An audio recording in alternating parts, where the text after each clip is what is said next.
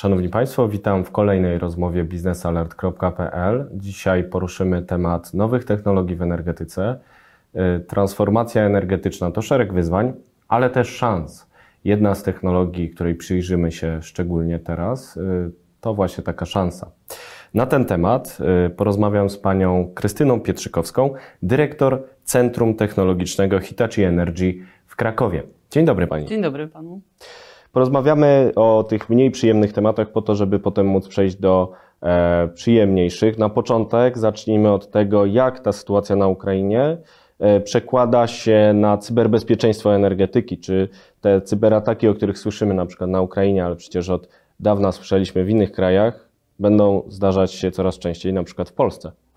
Znaczy nie chcę się odnosić aku, akurat tylko do Ukrainy, Mhm. tak? bo cyberataki na infrastrukturę krytyczną, jaką właśnie jest in, infrastruktura energetyczna, zwiększyły się od 2014 roku. Mhm. Tak? Stąd y, jak gdyby też w kontekście całej oczywiście energetyki zabezpieczenia cyfrowe no, są istotne dla nas, tak? żeby nikt nas nie pozbawił prądu.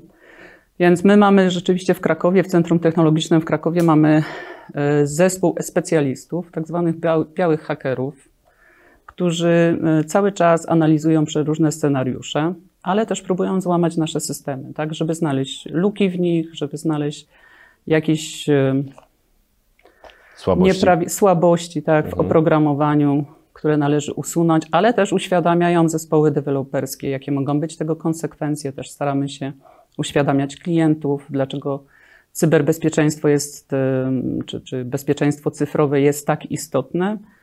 No i oczywiście tutaj jak gdyby ważnym aspektem w ochronie e, całej e, infrastruktury energetycznej jest oczywiście wymiana wiedzy. Tak? Czyli z jednej strony rzeczywiście uświadamianie, czym nam to grozi, ale z drugiej strony też pokazywanie, jak możemy się zabezpieczyć. No i chyba to, co jest takie najważniejsze w tym wszystkim, że nie tylko ten nasz zespół dba o y, nasze oprogramowanie Mhm. tworzone y, przez Hitachi Energy, ale też o tak uświadamianie klientów po to, żeby spojrzeli na całą infrastrukturę. No właśnie, z czego nie zdają sobie sprawy ci klienci? Czy naprawdę jest tak, że taki duży cyberatak mógłby zagrozić blackoutem? No oczywiście, że tak. No właśnie, a z drugiej strony y, zagrożenie jest duże, ale państwa centrum technologiczne też jest duże i to największe e, na świecie. E, Z pozytywnych rzeczy, jakie daje korzyści gospodarce? No cóż, no rzeczywiście, tak jak Pan powiedział, jesteśmy największym, największą taką pojedynczą jednostką rozwoju technologii Hitachi Energy na świecie.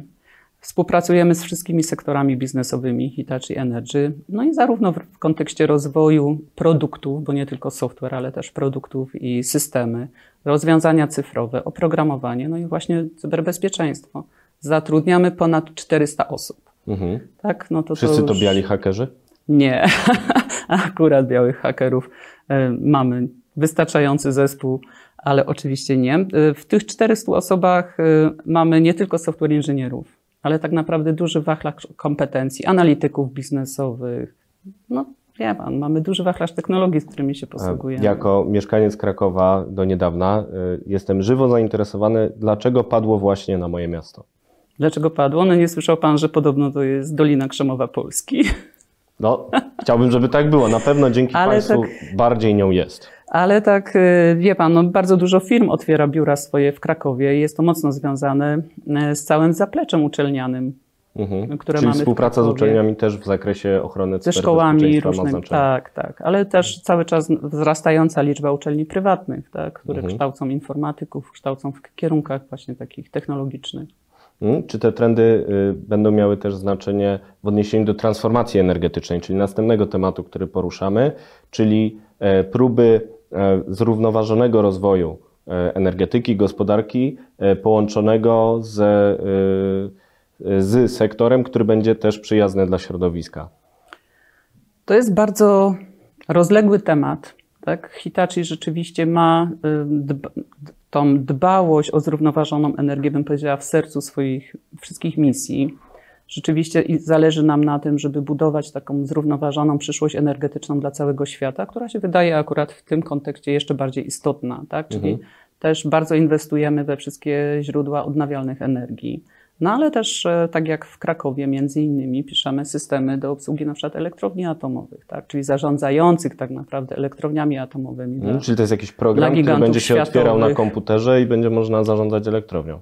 One zarządzają elektrownią. Rozumie pan teraz, jakie jest niebezpieczeństwo, jeżeli są Ktoś luki. się tam włamie. No właśnie, czyli y, Kraków, y, Centrum Cyberbezpieczeństwa, a przynajmniej tutaj w najbliższej okolicy, jeśli chodzi o sektor energetyczny. Ostatnie pytanie, które chciałem zadać, y, odnosi się bardziej do stabilizowania odnawialnych źródeł energii, no bo to też jest kolejne wyzwanie inne niż cyberprzestępstwa. OZE będzie coraz więcej, taki jest trend. Jak ustabilizować je przy użyciu nowych technologii?